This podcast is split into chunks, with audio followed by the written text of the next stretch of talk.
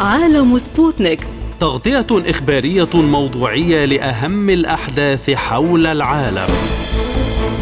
يلقي الضوء على أهم الأخبار السياسية. والاقتصادية. والرياضية. وجولة مع الأخبار الخفيفة من سبوتنيك بريك في عالم سبوتنيك. أهلا بكم مستمعي راديو سبوتنيك أينما كنتم وهذه حلقة جديدة من برنامج عالم سبوتنيك. معكم في هذه الحلقة خالد عبد الجبار والبداية بأبرز عناوين ملفاتنا.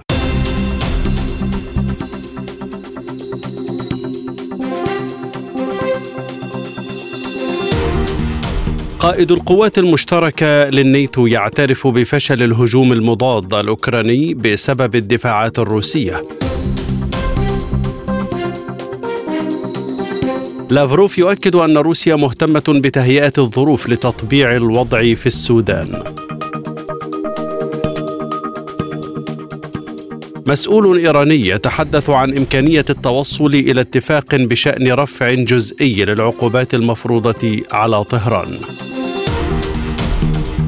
لجنة الشؤون الخارجية بالبرلمان الأوروبي تدعو إلى اتهام إسرائيل بجرائم حرب. واقتصاديا تونس ترجئ التوقيع على مذكرة تفاهم مع الاتحاد الأوروبي متعلقة بحزمة مساعدات اقتصادية. إلى التفاصيل أكد قائد القوات المشتركة لحلف الناتو في أوروبا الجنرال كريستوفر كافولي أنه لم تكن هناك نجاحات ملحوظة في هجوم القوات المسلحة الأوكرانية. وأضاف كافولي أن الهجوم المضاد الأوكراني لم يحقق نجاحا كبيرا بعد وأن القوات المسلحة الأوكرانية تواجه صعوبات بسبب الدفاعات الروسية. ونقل صحيفة فاينانشال تايمز عن القائد الأوكراني قوله القوات الروسية لديها ميزة هائلة. كما نقلت الصحيفة نفسها. عن دبلوماسي أوروبي رفيع المستوى قوله إن نتيجة الهجوم المضاد ستؤثر على المواقف الغربية تجاه كييف لافتا في هذا الصدد إلى التمويل والدعم والمشاركة السياسية والأهم من ذلك محادثات السلام المقبلة. على حد قوله. إلى ذلك أعلن مندوب روسيا الدائم لدى الأمم المتحدة فاسيلي نيبينيزيان فرصة إحلال السلام في أوكرانيا ضاعت في ربيع عام 2022 بسبب أمريكا والاتحاد الأوروبي. مؤكدا أن شروط التسوية الخاصة بكييف ستكون مختلفة. وأشار نيبينيزيا إلى أن روسيا وزعت رسالة على مجلس الأمن والجمعية العامة للأمم المتحدة أكدت فيها أنها لا تخطط لتفجير محطة زاباروجيا للطاقة النووية ودعت الأمين العام للأمم المتحدة إلى إجبار كييف على الامتناع عن الاستفزازات ضد محطة الطاقة النووية.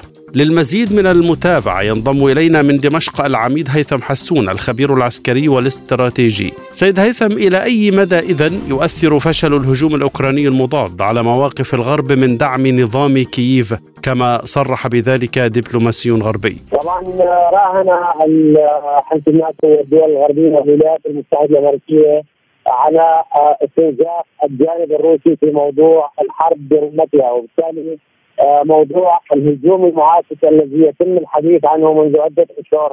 هذا موضوع إنجاز للقيادة الروسية وهم يدركون جيدا العسكريون يدركون جيدا أن إمكانية القيام بهجوم معاكس من قبل أوكرانيا هي إمكانية مستحيلة. آه، فإما أن تكون هي نفسي أو أن تكون عملية انتحار لأن الهجوم المعاكس يحتاج إلى مقومات يتخذها الجانب الأوكراني بكاملها. وهي التفوق بالقوى البرية آه، التغطية الجوية والتغطية النارية للقوات التي ستقوم بالهجوم المعاكس، لذلك أعتقد أن الموضوع هو بتسهيل الدول الأوروبية هو موضوع آه، إحراج الجيش الأوكراني آه، في الاستمرار في الحرب وأيضا يعني محاولة اقناع الدول الأوروبية والشعوب الأوروبية بالاستمرار بعملية الدعم المستمر بالسلاح وبالمال للجانب الأوكراني.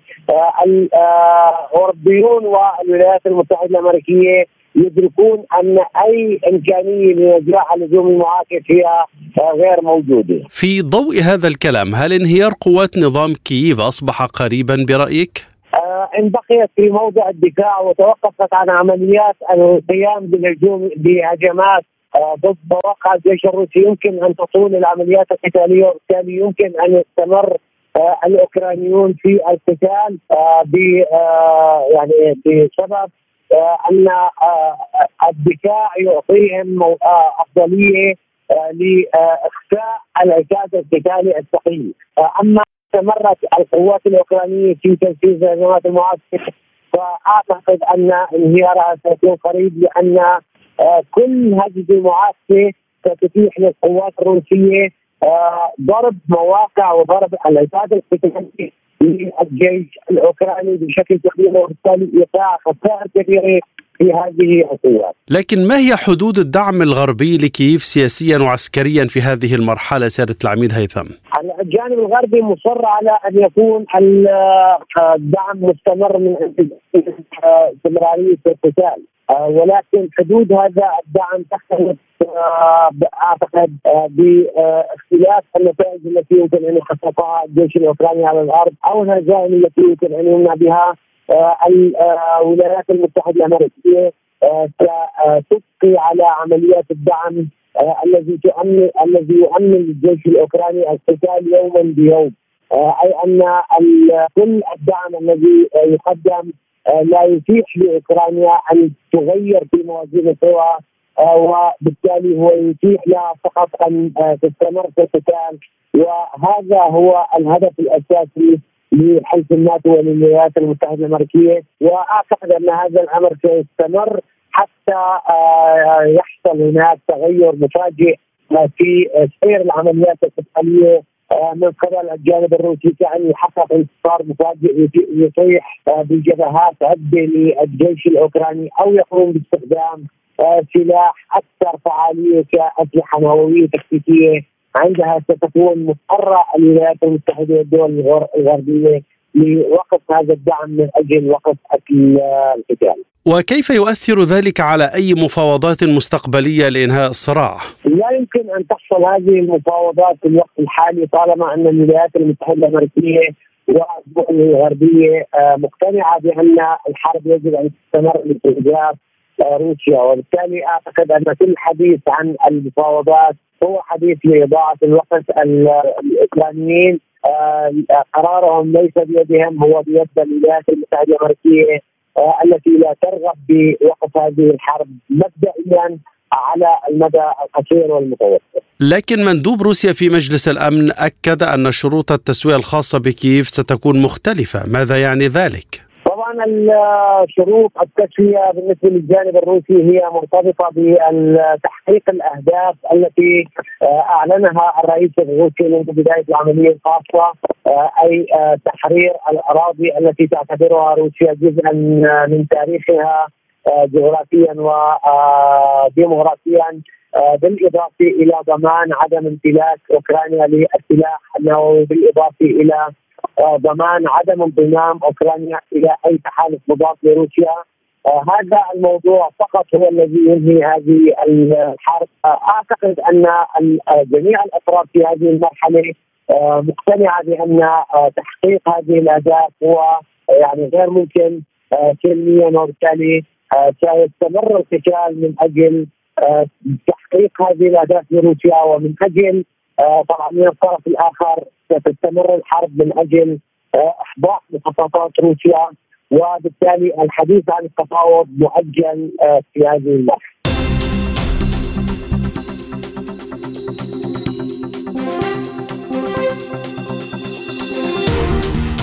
قال وزير الخارجية الروسي سيرجي لافروف أمس الخميس إن روسيا تتابع الوضع في السودان بقلق ومستعدة للمساعدة في حل النزاع وأضاف في لقاء مع نائب رئيس مجلس السيادة الانتقالي للسودان مالك عقار إن روسيا تتابع بقلق ما يحدث في السودان وهي مهتمة بالمساعدة في تهيئة الظروف لتطبيع الوضع من خلال السفارة الروسية التي لا تزال في الخرطوم. مشيرا إلى أن موسكو تحافظ على اتصالات مع جميع الأطراف المعنية. وأعلن وزير الخارجية الروسي عن نية الجانب الروسي تطوير التعاون الثنائي مع السودان مؤكدا أن بلاده ستكون ممتنة لتقديم التوصيات بشأن كيفية مساهمة روسيا وأعضاء آخرين في المجتمع الدولي في التغلب على الأزمة مؤكدا أنه سيتم اغتنام هذه الفرصة لمراجعة التعاون الثنائي وتحديد طرق لمزيد من التطوير. من جانبه أعلن نائب رئيس مجلس السيادة الانتقالي في السودان مالك عقار أن الوفد السوداني في اجتماع أمس الخميس مع وزير الخارجية الروسي طلب من روسيا المساعدة في حل النزاع للمزيد من المتابعة ينضم إلينا من القاهرة الكاتب الصحفي والمحلل السياسي السوداني صلاح غريبة أستاذ صلاح ما موقف طرفي الصراع من دعوة موسكو استعدادها للمساعدة في تطبيع الأوضاع في السودان؟ هي طبعا على أساس زيارة نائب رئيس مجلس السيادة السوداني مالك عقار إلى آه، موسكو. ولكن آه، حسب القراءات فيها تقاطعات دولية يعني. آه، هي تقاطعات لمصالح موسكو في السودان. وأيضا مؤسسة عسكرية تتبع لموسكو باغنر تدعم الدعم السريع. وفي الوقت إن موسكو هي المؤسسة العسكرية أو الصفة الدبلوماسية السيادية تتعاون مع القوات المسلحة آه، آه، السودانية. فالقراءات لحد هذه اللحظة تصدر أي تصريحات من الجهتين في ترحيب بها. يعني أنا أقول لك في ترحيب من الجهتين على أساس إنها مهما كان هي حق للدماء في السودان. الكل يسعى لأي مبادرات آه، تسعى لوقف نزيف الدم في السودان. ولكن القراءة كما ذكرت لك فيها تقاطعات آه، مصالح دولية آه، بين روس بين روسيا الدولة الرسمية وبين مؤسسة عسكرية باغنر تدعم الدعم السريع بصفة فعالة ومعروف لكن ما طبيعة الدور الذي يمكن أن تقوم به موسكو لإنهاء الحرب في السودان؟ أنا بعتقد أن موسكو هي آه، والصين وبالذات آه، موسكو والصين ممكن يسعوا إلى وقف إطلاق النار ولكن مع ملاحظة عدم الميل إلى جهة ما يعني عدم مساندة فاغنر الدعم السريع. لكنها تكون في الصفة العالمية اللي هي الحياد العالمي لوضع دولة كالسودان لها علاقات متميزة مع موسكو. فموسكو ممكن تتدخل في هذه الحالة. وأنا بعتقد انها آه، يكون لها حلول أحسن من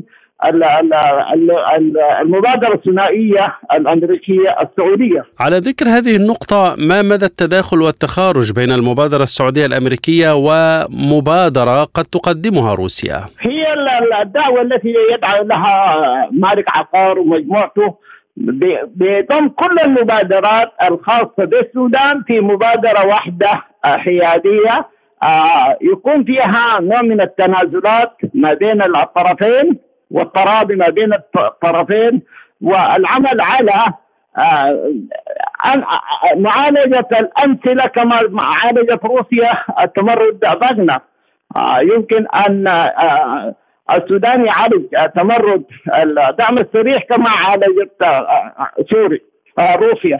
فبعتقد إنه ضم كل المبادرات في مبادرة واحدة حيادية فيها تنازلات من الطرفين آه، هو الحل المستقبلي للأزمة السودانية. أستاذ صلاح هل يدفع اتساع رقعة القتال ليشمل مناطق على حدود دول جوار السودان إلى الإسراع من جهود الوساطات الدولية لإنهاء الحرب؟ هو ده الحاصل دلوقتي ما حصل ما يحصل في آه، غرب دارفور ما يحصل في آه، جنوب الازرق وفي جنوب كردفان يدل على أن الأطراف أصبحت آه، تشتعل هذه الأيام. وهذا ما كنا نخشى منه. يفترض كان الحركات المسلحة آه، في هذه اللحظات الحاسمة في السودان أنها تبتعد من تبتعد من الصراعات بينها وبين الدولة السودانية أو بينها وبين أنفسها. لتنهى منها بمعالجة المشكلة القومية هي التي تحصل في الخرطوم. فأنا بعتقد إذا استمر الوضع كما حصل في الأيام السابقة ويحصل الآن إنها حتزداد زيادة رهيبة وبالذات في مناطق دارفور والنيل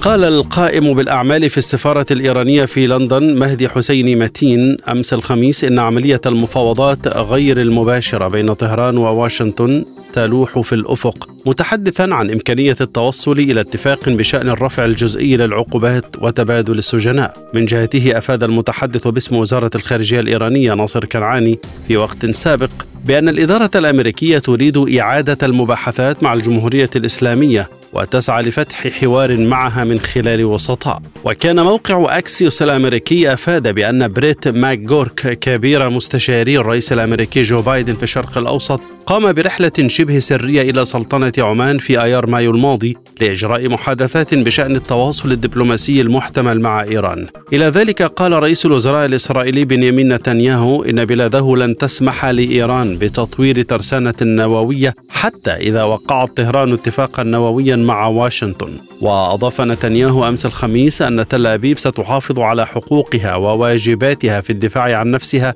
في أي مكان في الشرق الأوسط وسوف تؤدي القوات الجوية دورا مهما في هذا الصدد مؤكدا أن هذا الاتفاق لن يكون ملزما لتل أبيب. للمزيد ينضم إلينا من لندن محمد المذحجي الخبير بالشأن الإيراني أستاذ محمد بعد التحية هل تنجح إذا المباحثات الأمريكية الإيرانية غير المباشرة في إعطاء دفعة لإحياء مفاوضات النووي الإيراني؟ يعني حتى اللحظة نحن نرى أن هناك معارضة قوية داخل الكونغرس الأمريكي آه، ضد ما يفعله بايدن من خلال مفاوضات معلنة وغير معلنة في سلطنة عمان أو في قطر أو في العواصم الأوروبية. وحتى هناك كانت مفاوضات في نيويورك بين مسؤولين إيرانيين وأمريكيين. آه، هناك عوائق كثيرة أمام آه، إحياء الاتفاق النووي. يمكن أن يحصل آه، نوع من آه، توافق أو صفقة معينة تخفف آه، الضغوط الأمريكية على إيران، أي صفقة ثنائية وليس في إطار الاتفاق النووي. وما هي فرص التوصل لاتفاق جزئي لرفع العقوبات عن طهران خلال المباحثات كما تفضلت؟ يعني الآن إدارة بايدن تحاول أن تسجل لنفسها إنجازات في السياسة الخارجية بعد إخفاقات كبيرة في السياسة الداخلية حتى تصرف. آه هذه الإنجازات في الانتخابات القادمة الرئاسية الأمريكية العام القادم. وبايدن بحاجة إلى هذه الإنجازات. نرى أنه يسعى يطرق باب بكين آه يحاول أن يتفق مع إيران يحاول الوصول إلى يعني نوعا ما تبريد الملفات مع السعودية لأن هناك انتقادات لاذعة لبايدن بسبب تأزيم علاقات الولايات المتحدة الخارجية. فهو الآن يحاول أن يسجل انجازا مثلا الافراج عن سجناء الولايات المتحدة في إيران وحتى مع روسيا أيضا. هناك محاولات كثيرة من إدارة بايدن والسفيرة الأمريكية في موسكو للإفراج عن الصحفي الأمريكي المحتجز آه، في آه، روسيا كل هذه المحاولات تصب في إطار واحد ألا وهو تسجيل إنجاز في السياسة الخارجية لبايدن. طيب فيما يتعلق بتلك المباحثات أستاذ مذحجي، هل تبدأ من الصفر أم أن الاتفاق النووي الأخير هو المرجع أيضا؟ يعني يبدو هم يقولون في العلن أنه المرجعية هو الاتفاق النووي، لكننا نرى أن مسؤولين في إدارة بايدن آه، أو مسؤولون في إدارة بايدن يتحدثون عن أن آه، إدارة بايدن تتجه للسماح لإيران بتخصيب اليورانيوم حتى 60% وهذا آه، غير مصرح به في الاتفاق النووي وإيران ليس مسموح لها أن تخصب أكثر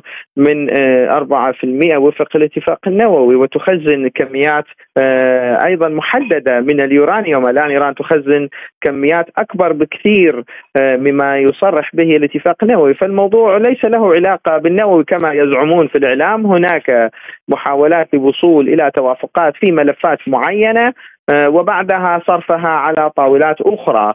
مثلا من جانب الإيراني إيران بحاجة لإلغاء العقوبات عليها وتخفيف الضغوط الاقتصادية فهي تعمل على هذه المفاوضات من هذا الجانب أي تخفيف العقوبات الاقتصادية ولا يهمها كثيرا الاتفاق النووي في هذا الظروف رغم أن المسؤولين الإيرانيين يصرحون بأن هذه هذه المفاوضات ليست مع الأمريكان بل هي في في إطار الاتفاق النووي للتغطية على الصراع الداخلي الإيراني الجهة التي ترفض آه، مفاوضات مع الولايات المتحدة لكن الآن إيران تخوض مفاوضات مع الولايات المتحدة مباشرة تزعم أنها غير مباشرة لكنها في الواقع هي مباشرة وتطبق جزئيا التوافقات التي تحصل فيما بين في بين واشنطن وطهران. إلى أي مدى يمكن أن تنجح تل أبيب في عرقلة التوصل لاتفاق حول النووي الإيراني؟ يعني حتى اللحظة تل أبيب لم تبدي معارضة قوية ضد هذه المفاوضات وإن كانت التوافقات جزئية أنا لا أرى أن تل أبيب ستعارض هذه التوافقات الجزئية آه، ولا تريد زيادة آه، صراعها مع إدارة بايدن. الآن نتنياهو وإدارة نتنياهو لديها مشاكل أخرى مع إدارة بايدن وبرودة العلاقات بين الولايات المتحدة وإسرائيل. أنا لا أرى أن نتنياهو سيصعد في هذا الجانب. التصريحات الإعلامية هي الاستهلاك الإعلامي لكن في الحقيقة وعلى أرض الواقع لم نرى معارضة حقيقية من إسرائيل. ويعلم نتنياهو بأن بايدن بحاجة إلى هذا الإنجاز لصرفه على طاولة الانتخ... على الساحة الانتخابية. فهو لن يذهب بعيدا بهذا الجانب.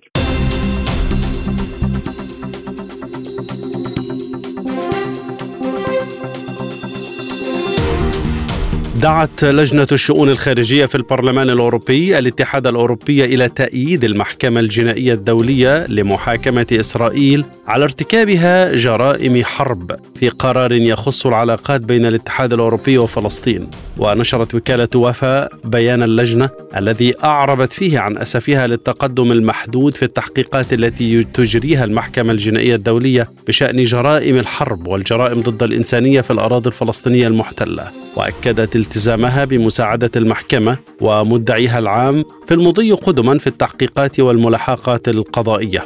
وأشار البيان إلى أن المستوطنات غير الشرعية تشكل عقبة رئيسية أمام جدوى حل الدولتين وتحقيق السلام والأمن الدائم في المنطقة. ودعت لبذل جهود جديدة لوقف العنف المرتبط بالمستوطنات ومكافحة التوسع الاستيطاني في الضفة الغربية مع إتاحة التدابير اللازمة لتحقيق ذلك. وأعربت اللجنة عن قلقها إزاء سياسه الاتحاد الأوروبي والمساعدة المالية التي يقدمها في الأراضي الفلسطينية مشيرة إلى أن المستوطنات الإسرائيلية غير القانونية تقوضها وطالبت بتعويضات عن هدم جميع البنية التحتية التي تم تمويلها من الاتحاد الأوروبي في المنطقة. للمزيد من المتابعة ينضم إلينا من بروكسل رمضان أبو جزر مدير مركز بروكسل الدولي للبحوث. أستاذ رمضان بعد التحية ما مدى جدية هذه الدعوة من قبل لجنة الشؤون الخارجية بالاتحاد الأوروبي؟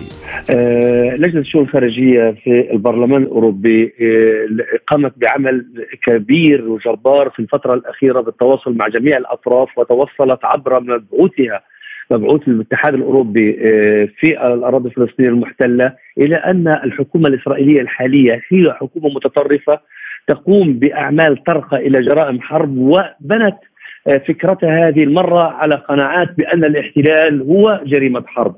آه هذه جرأة غير مسبوقة لدى لجنة الشؤون الخارجية في البرلمان الأوروبي وهي تأخرت كثيرا والتأخير في العقاب هو الذي شجع الحكومات الإسرائيلية المتعاقبة على الاستمرار في ارتكاب جرائم حرب بحق الفلسطينيين سواء في القدس الشرقية والضفة الغربية وحتى في قطاع غزة من خلال الحروب المتكررة.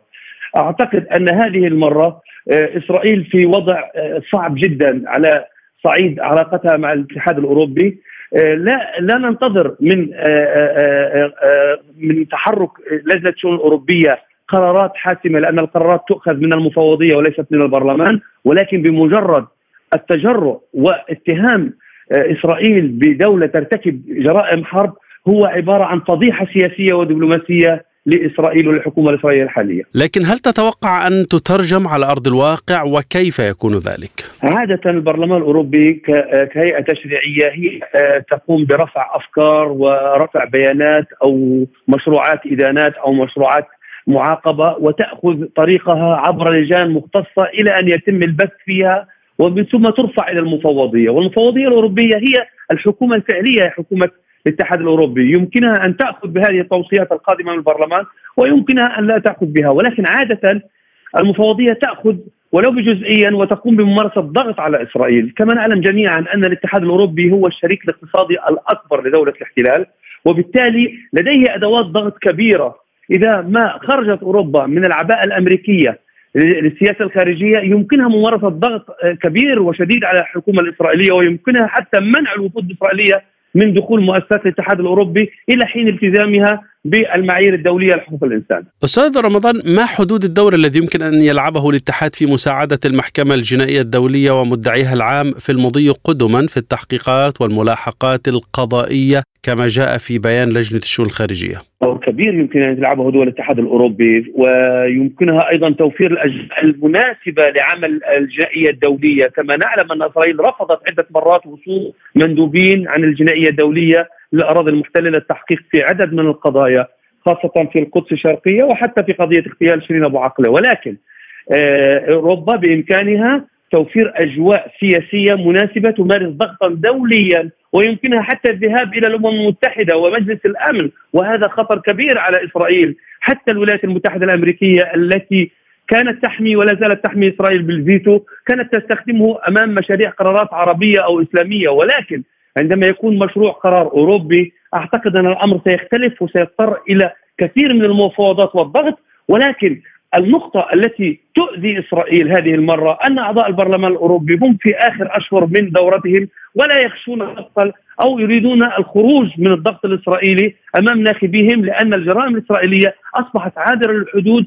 وأصبحوا محرجين جدا أمام قواعدهم الشعبية وهم على أبواب انتخابات قادمة في شهر أبريل القادم. أعتقد أن الدول الاتحاد الأوروبي والبرلمان الأوروبي بإمكانه التأسيس لمرحلة عقاب دبلوماسي وسياسي لإسرائيل مؤلم خاصة أن إسرائيل في الوقت الحالي تعاني من انقسام داخلي وتعاني من عدم إسناد حقيقي كامل من الولايات المتحدة الأمريكية كما كان في الماضي. لكن إلى أي مدى يمكن أن يكون هناك دور إيجابي للاتحاد الأوروبي في التعاون مع السلطة الفلسطينية؟ وإنهاء الاحتلال كما دعا أحد أعضاء البرلمان الأوروبي.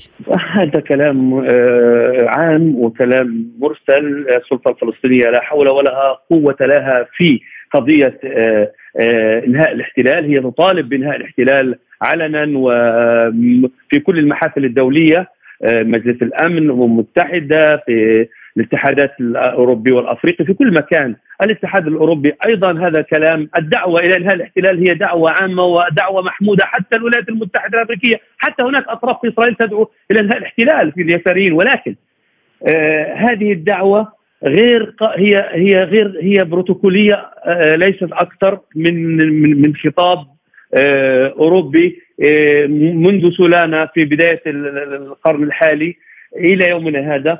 أعتقد أن الدعوة الحقيقية الأساسية المؤلمة هي معاقبة إسرائيل وتجريمها بارتكاب جرائم حرب هذه هي القوة الحقيقية التي يمكن أن الدعم الحقيقي الذي يمكن أن يقدمه الاتحاد الأوروبي إلى السلطة الفلسطينية أو إلى الشعب الفلسطيني باستثناء السلطة أو منظمه التحرير الفلسطينية. طيب أخيرا كيف يمكن استثمار هذه الخطوة من قبل السلطة الفلسطينية؟ عمليا هناك كان تقصير في دور السلطة الفلسطينية في متابعة ومقاضاه إسرائيل في سنوات ماضية.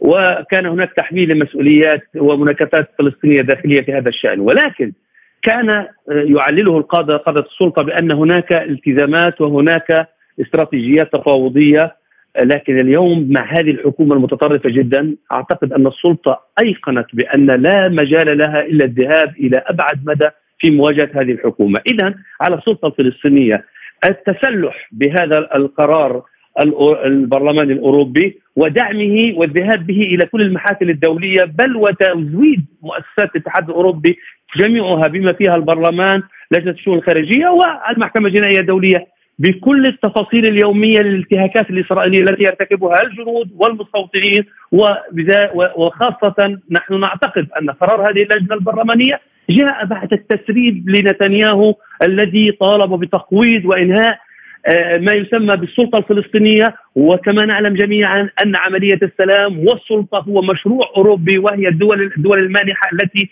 قدمت مئات ملايين بل مليارات اليوروات إلى السلطة الفلسطينية وإسرائيل من من أجل إنجاح عملية السلام. شعر الأوروبيين بأن إسرائيل تريد أن تنهي مشروعا اوروبيا. هو كان دوليا ولكن أوروبا كانت عنوانه. لذلك بدأ الحديث عن معاقبة إسرائيل أو بالتحديد معاقبة حكومة نتنياهو المتطرفة.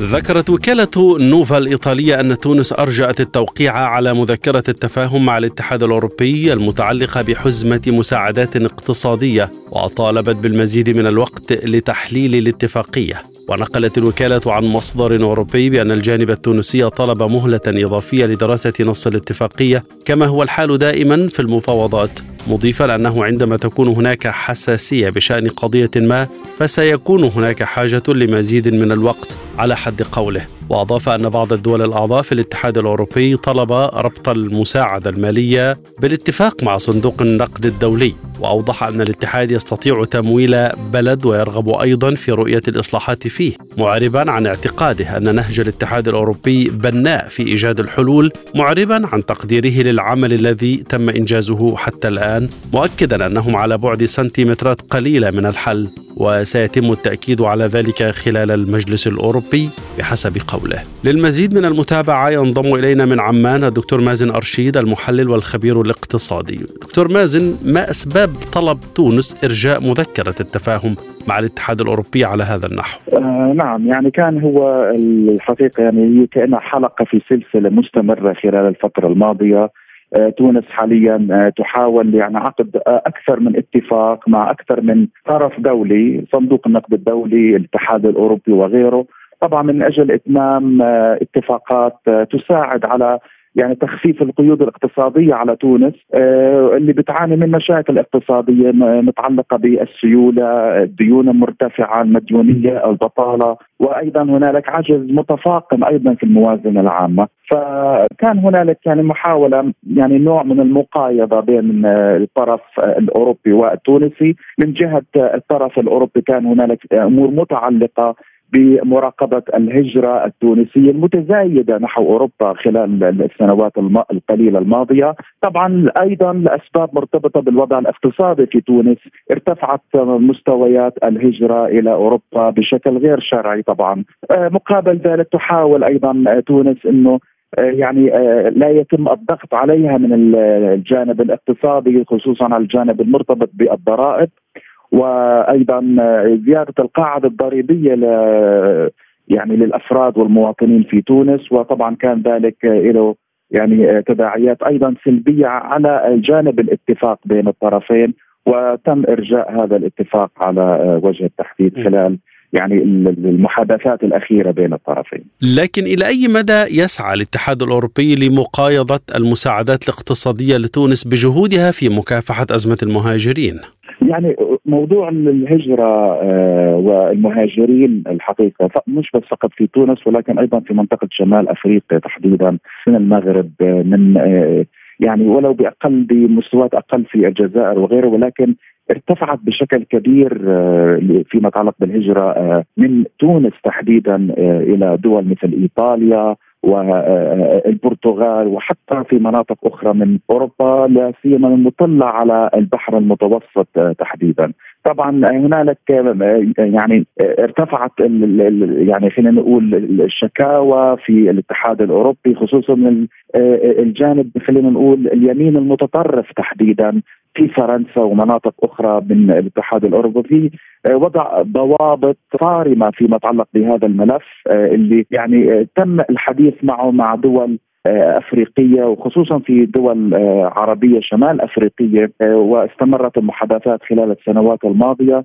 هنالك تم إبرام اتفاقات مع دول أخرى غير تونس الحقيقة مثل المغرب وتحديدا المغرب كان هنالك اتفاق قبل عدة سنوات لكن واضح بأن تونس يعني يعني تخشى بأن يكون هنالك نوع من المقايضة. مثل ما ذكرت في سؤالك بأنه يكون هنالك اتفاق واضح فيما يتعلق بالهجره الغير شرعية من تونس تحديدا إلى أوروبا.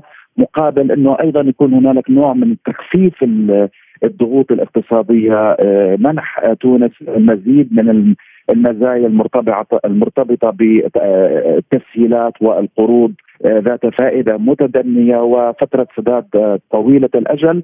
لكن يبدو بأنه لم تتحصل تونس على هذه أو لم تكن المقايضة بالطريقة اللي بتتمناها تكون على أرض الواقع. لذلك تم إرجاء الاتفاق لم يتم رفض الاتفاق لكن تم تأجيله إلى مفاوضات قد تستمر في يعني خلال الفترة القليلة. طيب تونس أجلت مفاوضاتها مع صندوق النقد وكذلك مع الاتحاد الأوروبي، ما هي خياراتها اذا لمواجهة الأزمة الاقتصادية التي تعصف بالبلاد؟ لا توجد للأسف خيارات كثيرة، ليس فقط فيما يتعلق بالجانب التونسي ولكن حتى دول عربية أخرى في المنطقة، للأسف لا توجد بدائل كثيرة. آه نحن نعرف آه مدى آه يعني تضارب المصالح بين تونس وهذه الأطراف الدولية. عادة الصندوق النقد الدولي يقدم شروط أو ما يسمى بالتوصيات للأطراف اللي ممكن يدعمها بتقديم تسهيلات ميسرة بما فيها الأردن وحدث ذلك مع مصر و والآن نتحدث عن تونس ولبنان. كان هنالك مفاوضات سابقه ولو أنه يعني تمر بمرحلة صعبة حاليا للظروف السياسية في لبنان. ولكن تونس أيضا يعني يبدو بأنه يعني المفاوضات معقدة نوعا ما استمرت لأكثر من عام ونصف تقريبا حتى هذه اللحظة ولم يتم الاتفاق على أي شيء جوهري حتى اليوم. قد تستمر المفاوضات بنهاية المطاف لكن أنا بتوقع إنه سوف يتم يعني التوصل إلى اتفاق مع صندوق النقد الدولي ولو تم تأجيل والمفاوضات في الفترة الحالية لكن مثل ما ذكرت إنه لا تمتلك تونس الكثير من الحلول أو البدائل سوى التفاوض مع الصندوق النقد الدولي ويعني على الأقل يعني الحصول على أقل الأضرار خلينا نقول فيما يتعلق بالإصلاحات الاقتصادية اللي أنا بشوفها قد تكون صعبة جدا. آه طبعا نظرا للوضع الاقتصادي اللي أيضا بيأثر على المواطنين وعلى الشركات آه وضعف القوة الشرائية في آه لدى المواطنين في تونس. وتراجع العملة التونسية خلال الثلاثة سنوات اليوم في أدنى مستوياتها التاريخية أمام الدولار وحتى أمام اليورو تحديدا، لذلك بنهاية المطاف بتوقع أن تونس سوف تبرم اتفاق مع صندوق النقد الدولي ولكن تتمنى بأن يكون ذلك ضمن أقل الأضرار فيما يتعلق بقدرتها التفاوضية فيما يتعلق بالضرائب وغير ذلك من أمور. عالم سبوتنيك مستمر معكم وهذه جولة من الأخبار حول العالم.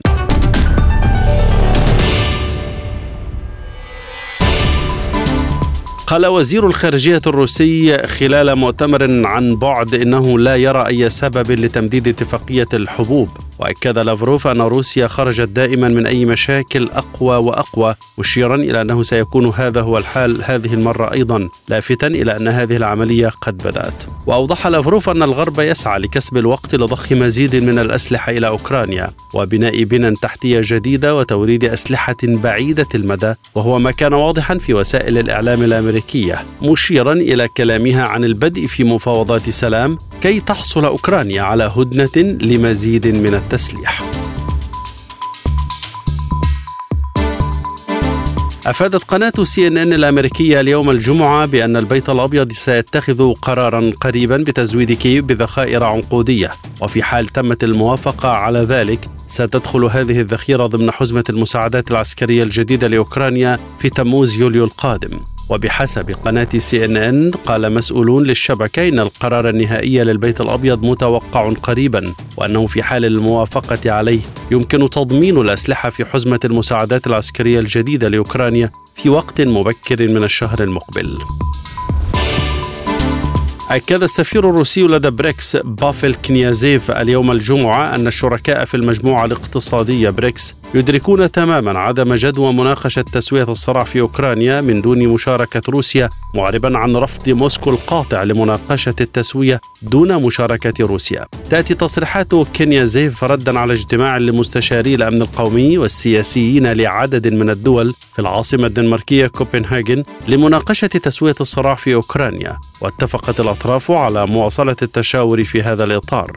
وشدد كينيازيف لوكالة سبوتنيك اليوم الجمعة على أن الروس يرون هذه المبادرة محاولة للضغط وفرض التهديدات التي يقترحها الرئيس الأوكراني فلاديمير زيلينسكي وأنصاره في الغرب. وأكد السفير الروسي أن روسيا تعتبر مناقشة الوضع في أوكرانيا أو تسوية النزاع بين أوكرانيا وروسيا دون مشاركة روسيا لا قيمة لها ولا جدوى. زعمت وسائل إعلام غربية أمس الخميس أن السلطات السعودية لم تسمح لدبلوماسيين إسرائيليين حضور اجتماعات منظمة اليونسكو. وذكر الموقع الإلكتروني أكسيوس أمس الخميس أن السعودية لم تسمح حتى الآن بالتوقيع على وثيقة تلتزم بموجبها السماح لمندوبين إسرائيليين حضور اجتماعات لجنة التراث العالمي المقررة في الرياض في شهر سبتمبر أيلول المقبل. ونقل الموقع عن دبلوماسيين غربيين ومسؤولين إسرائيليين بارزين أن المملكة لم تذكر إسرائيل تحديدا بشأن اعتراضها المتعلق بعدم التوقيع على تلك الوثيقة. لكنهم أوضحوا أنها المشكلة الأساسية. نشر مكتب الأمم المتحدة لتنسيق الشؤون الإنسانية أمس الخميس تقريرا أكد فيه فرار أكثر من مليوني شخص وستمائة ألف من منازلهم منذ اندلاع القتال الدائر في السودان في الخامس عشر من شهر نيسان أبريل الماضي. وأوضح التقرير الأممي أن أكثر من مليوني شخص نزحوا داخليا أي داخل المدن السودانية منهم مليون وأربعمائة ألف فروا من العاصمة الخرطوم. في وقت عبر أكثر من 560 ألف شخص الحدود السودانية إلى البلدان المجاورة. معظمهم إلى تشاد ومصر وجنوب السودان. وأوضح الموقع الرسمي لمكتب الأمم المتحدة لتنسيق الشؤون الإنسانية أن المنظمات الإنسانية وصلت إلى أكثر من مليوني شخص وثمانمائة ألف في جميع أنحاء السودان من خلال تقديم خدمات الغذاء والتغذية والصحة والمياه والحماية وذلك خلال الشهرين الماضيين.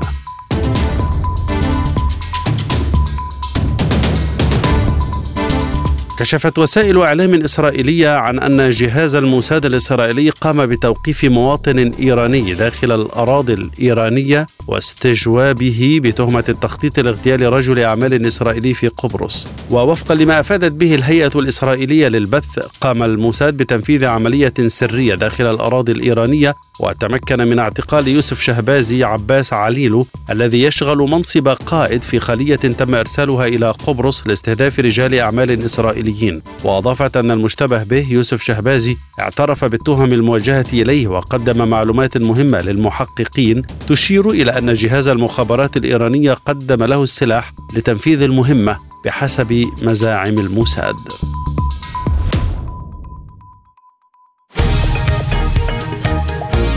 عالم سبوتنيك يغطي جميع الأحداث السياسية والاقتصادية والرياضية حول العالم. على مدار ساعة تتابعون عالم سبوتنيك مع أهم خبراء التحليل السياسي والاقتصادي.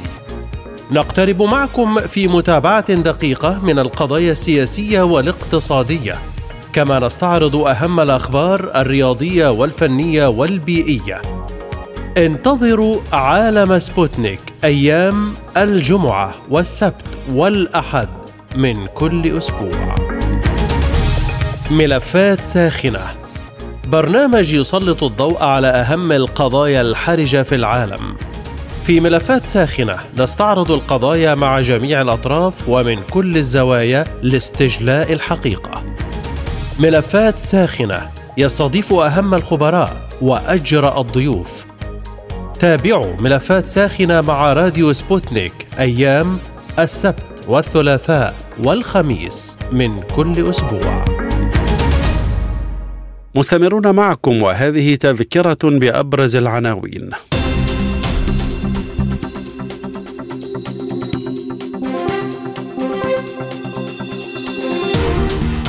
قائد القوات المشتركة للنيتو يعترف بفشل الهجوم المضاد الأوكراني بسبب الدفاعات الروسية. لافروف يؤكد أن روسيا مهتمة بتهيئة الظروف لتطبيع الوضع في السودان.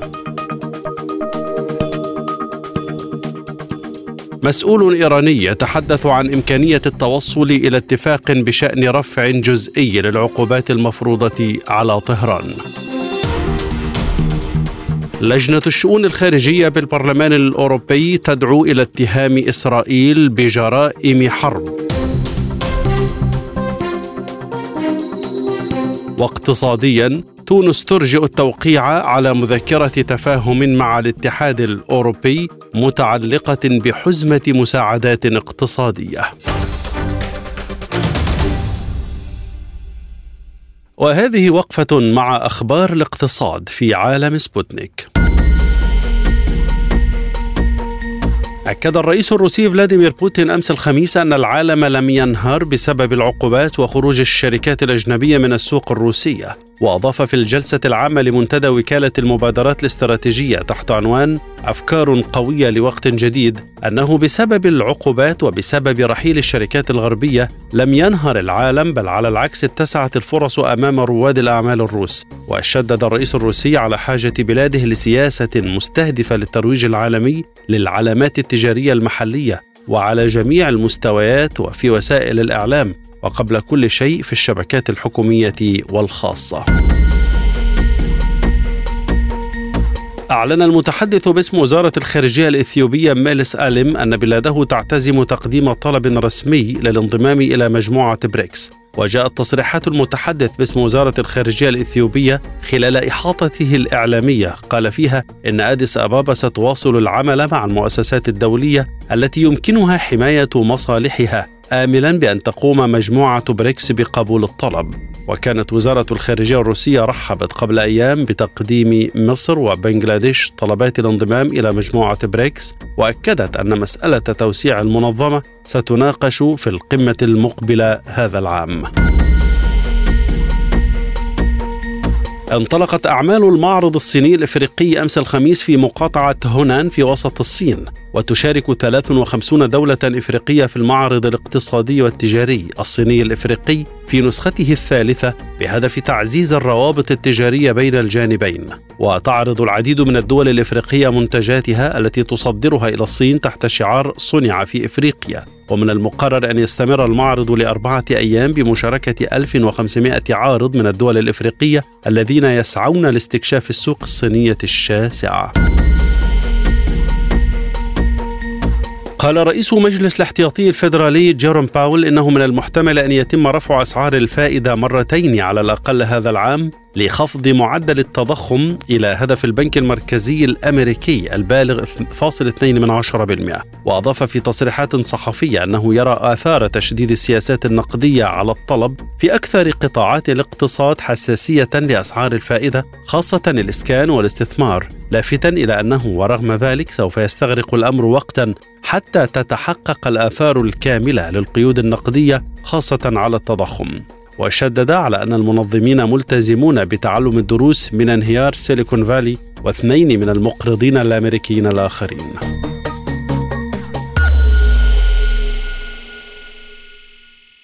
عالم سبوتنيك مستمر معكم وهذه وقفة مع أخبار الرياضة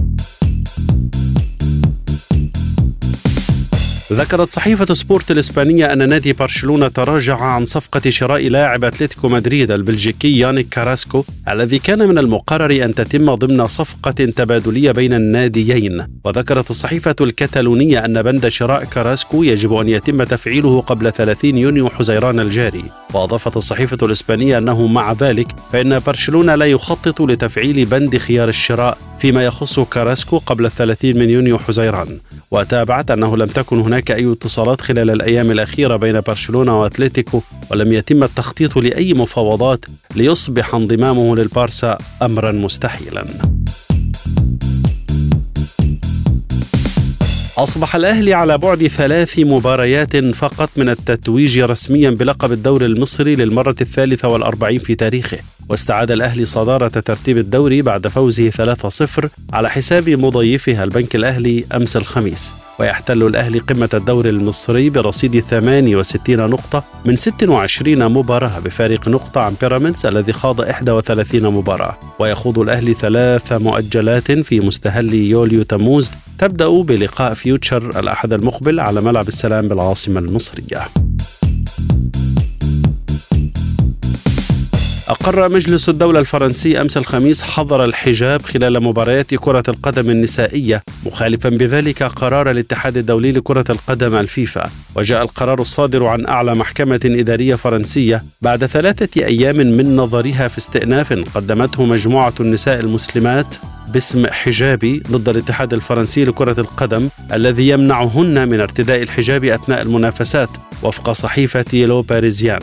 وقال مجلس الدولة في بيان أنه يمكن للاتحاد الفرنسي لكرة القدم أن يسن القوانين التي يراها ضرورية لحسن سير المباريات. وأضاف أن الاتحادات الرياضية المسؤولة عن ضمان حسن سير الخدمات العامة المنوطة بإدارتها يمكنها أن تفرض شرط الحياد على اللاعبات من ناحية الملابس أثناء المنافسات والأحداث الرياضية من أجل ضمان حسن سير المباريات ومنع أي صدام أو مواجهة.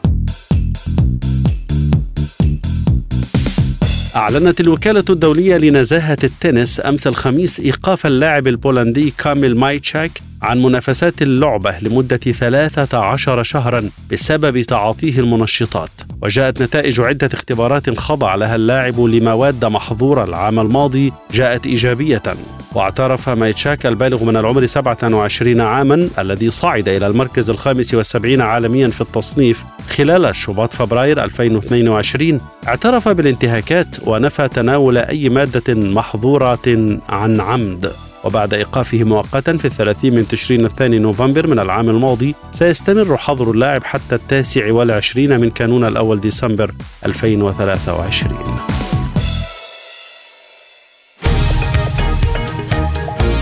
عالم سبوتنيك يغطي جميع الأحداث السياسية والاقتصادية والرياضية حول العالم.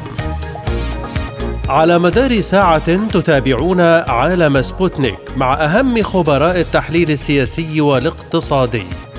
نقترب معكم في متابعة دقيقة من القضايا السياسية والاقتصادية، كما نستعرض أهم الأخبار الرياضية والفنية والبيئية. انتظروا عالم سبوتنيك أيام الجمعة والسبت والأحد من كل أسبوع. مساحة حرة برنامج يسلط الضوء على أهم القضايا الاجتماعية والاقتصادية حول العالم. في مساحة حرة تنوع في الآراء وثراء في النقاش.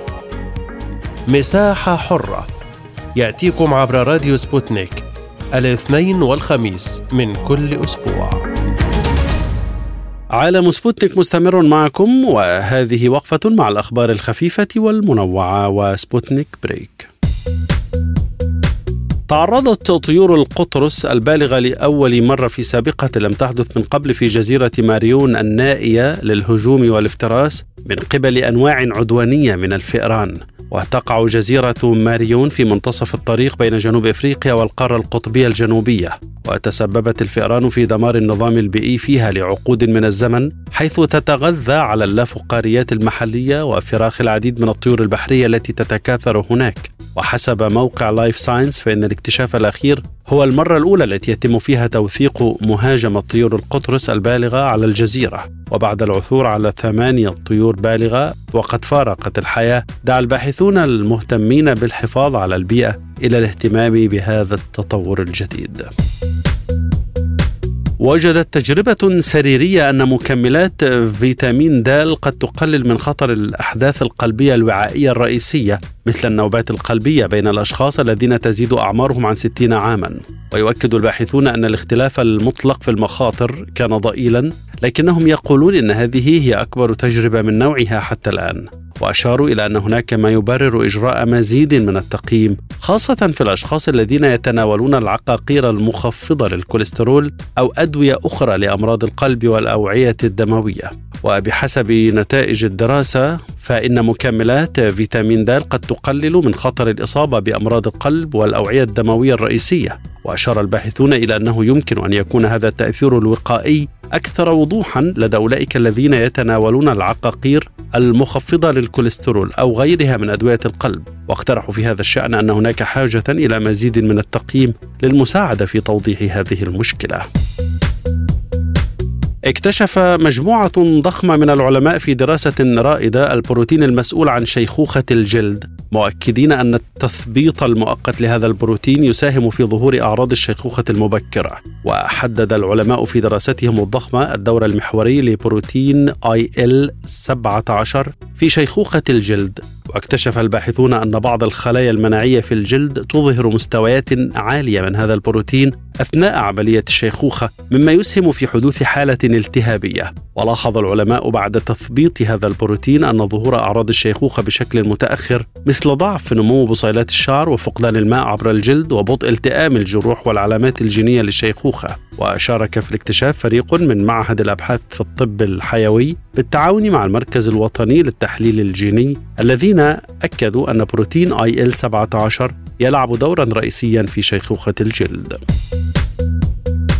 تسلمت شركة طيران أوروبية أولى طائرة مجمعة في الصين من إنتاج شركة إيرباص وهي من طراز A321 neo وتم تجميع الطائرة بخط التجميع النهائي في مدينة تيانجين شمال الصين قبل أن يتم تسليمها إلى شركة ويز إير المجرية حسب ما ذكرت شبكة وشينخوا الصينية أمس الخميس. وتعد الشركة المجرية التي تسلمت الطائرة أكبر شركة طيران منخفضة التكلفة في وسط وشرق أوروبا. وقالت شركة إيرباص إن تسليم الطائرة الأولى التي تم تجميعها في الصين لعميل أوروبي يمثل علامة فارقة بالنسبة لفرع الشركة في الصين إيرباص تيانجين.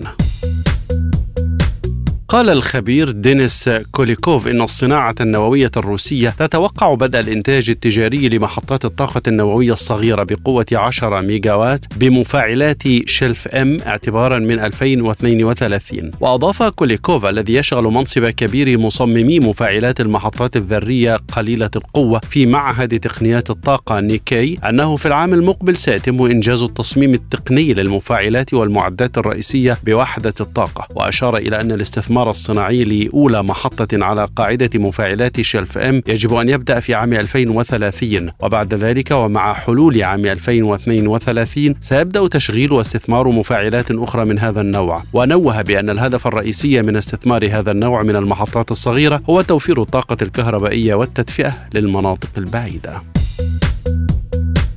كشفت دراسة جديدة أن كوكب الأرض لديه قمر جديد أو على الأقل ما يسمى بشبه قمر وتم رصد شبه القمر الذي يحمل اسم FW 13 2023 من قبل خبراء باستخدام تلسكوب بان ستارز في الجزء العلوي من بركان هاليكالا في هاواوي وهو واحد ضمن عدد قليل من أشباه الأقمار المعروفة. ويعتقد الخبراء أن شبه القمر الجديد كان في محيط الأرض منذ 100 سنة قبل الميلاد وسيستمر في الدوران الدوران حول الكوكب لمدة 1500 عام أخرى على الأقل حتى 300 و700 بعد الميلاد وفقا لموقع لايف ساينس العلمي. وشبه القمر هو صخرة فضائية تدور حول الأرض لكنها مرتبطة جاذبيا بالشمس. وتم منح الصخرة لقب شبه بسبب ارتباطها جاذبيا بالشمس بدلا من الأرض. يشار إلى أن اكتشاف شبه القمر FW 13 ليس أمرا مستحدثا إذ سبق أن تم رصد شبه قمر آخر يدعى كامولاويا في عام 2016 وفي ذلك الوقت كان يعتقد أنه أصغر وأقرب قمر صناعي معروف. ختام هذه الحلقة من عالم سبوتنيك. إليكم تذكرة بأبرز ملفاتها.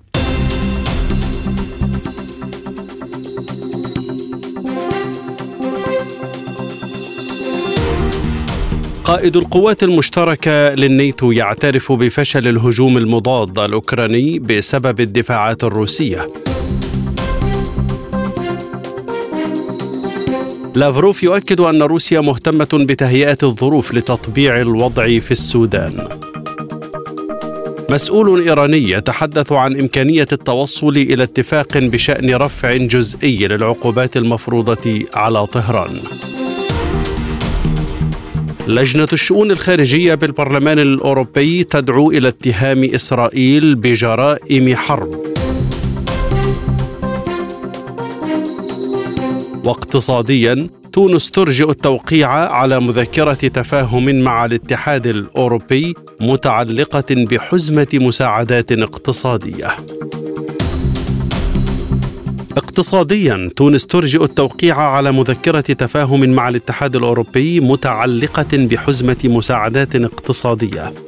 ورياضيا مجلس الدولة الفرنسي يقر حظر الحجاب خلال مباريات كرة القدم النسائية مخالفا قرار الفيفا. للمزيد زوروا موقعنا سبوتنيك dot ae. إلى اللقاء.